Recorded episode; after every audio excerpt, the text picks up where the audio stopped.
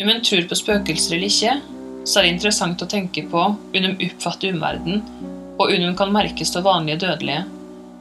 Kanskje de til og med føler på urettferdighet i etterlivet, noe som kan være tilfellet i den korte beretninga 'Et spøkelsesliv'.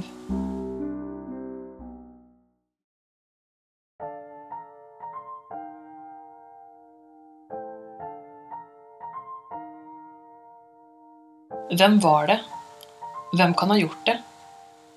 Det hele ble mørkt før jeg rakk å finne det ut.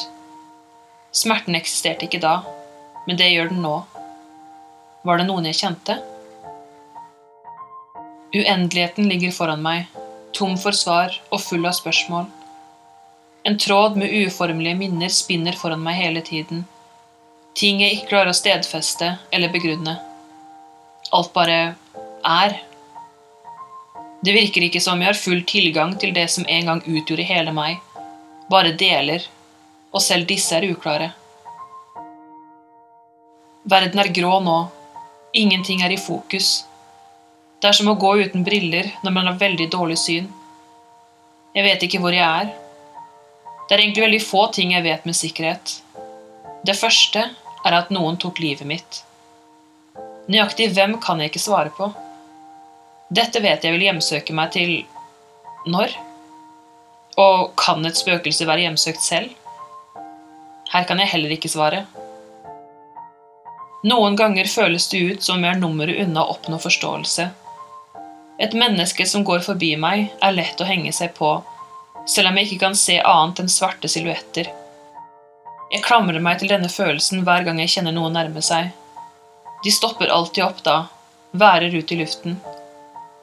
Det får meg til å føle meg nesten levende, som om det jeg gjør, blir lagt merke til og har en eller annen påvirkning i den virkelige verden jeg har blitt halvveis forvist fra.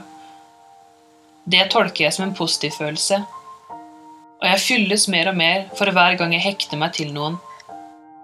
Alt jeg kan ta fra etterlivet og snu til min fordel, gir meg noe som kan minne om tilfredshet. Fordi det er når jeg griper tak i energien til et passerende menneske, at jeg kan lese sinnstilstanden deres og suge det til meg. Å ta inn menneskelige følelser regelmessig gir meg små glimt av det jeg en gang følte selv, og jeg merker hvordan styrken på mine mentale briller blir sterkere og sterkere. Gråfargen blir stadig lysere, og jeg vet at tilstedeværelsen min vokser. Grunnen til at jeg gjør dette, er uviss for meg. Kanskje jeg håper at jeg kan hjelpe meg med å finne ut hvem det var som sendte meg hit, og om det var med overlegg eller bare en ren ulykke. En ny skikkelse kommer mot meg. Verden har klarnet såpass nå at jeg kan skille mellom maskuline og feminine trekk, og jeg beslutter at dette er en mann. Jeg gjør meg klar til å hekte meg fast og stjele til meg litt mer kraft.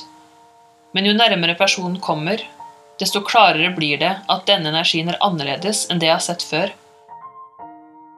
Den er nesten hvitglødende og vibrerer på en urovekkende måte. Jeg rører så vidt ved den, og slipper tak i nesten med det samme. Sensasjonen er overveldende.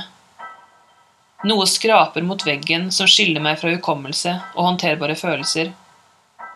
Så er det som en murstein smuldrer vekk og lar en rekke tidligere ukjente inntrykk fosse inn. Det er han, mannen som drepte meg. En lunte tennes dypt inni meg og sprer seg utover hele essensen som utgjør den kroppløse versjonen av meg. Sinne. Jeg har funnet sinne. Kanskje jeg snart får oppleve nettopp hvordan en hevngjerrig ånd opererer, som vil si at han vil det også.